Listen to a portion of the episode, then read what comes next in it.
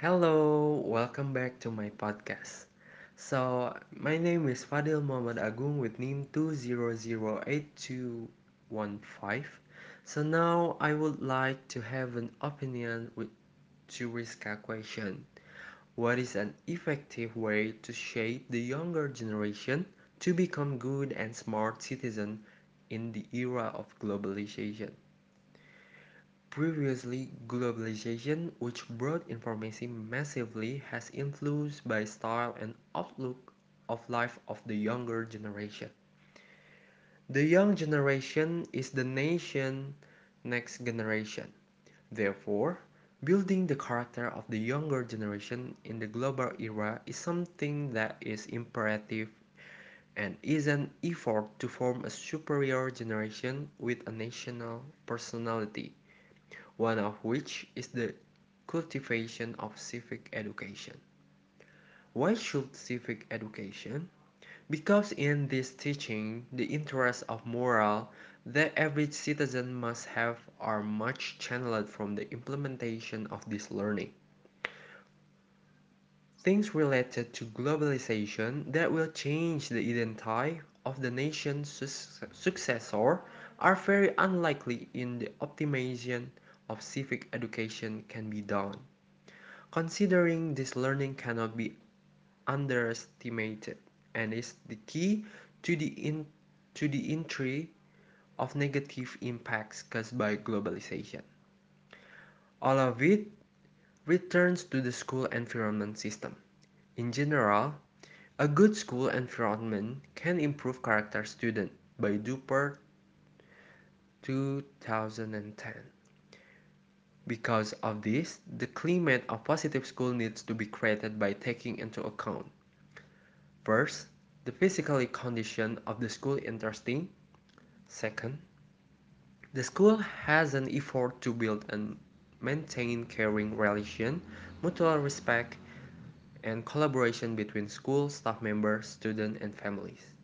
Third, students participate in decision making. Fourth, students perceive school rules as a matter that is clear, fair, and not too harsh. Fifth, schools are safe for students, families, and teachers. Sixth, available learning services. Seventh, schools have high academic and behavioral, behavioral level height and provide support to achieve goals. Eighth, have an effort to develop social and emotional abilities of all students. Seventh, the teacher as a model in maintaining attitudes and tenth, viewing parents and community members as resource value and they are encouraged to be actively involved in the school. And the role of Pancasila and citizenship education learning in fostering generation young, smart, and good citizenship. Learning Pancasila and citizenship education it is very necessary to foster the attitude of the citizen expected by the nation. Revolution Industry 4.0 brings many change in human life. 4.0 Industrial Revolution has fundamentally changed the way human activities and had a big impact towards the behavior and habits of citizens, especially youth. Hence, it's, it is important learning Pancasila and citizenship education to build the younger generation smart and good citizenship.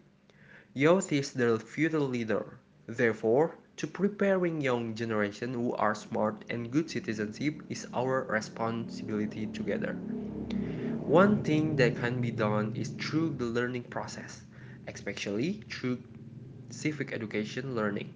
This effort aims to prepare the younger generation to face the challenge of the Industrial Revolution 4.0 for the hopes and future of the Indonesian nation or another nation.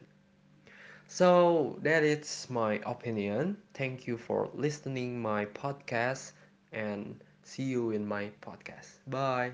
Thank you.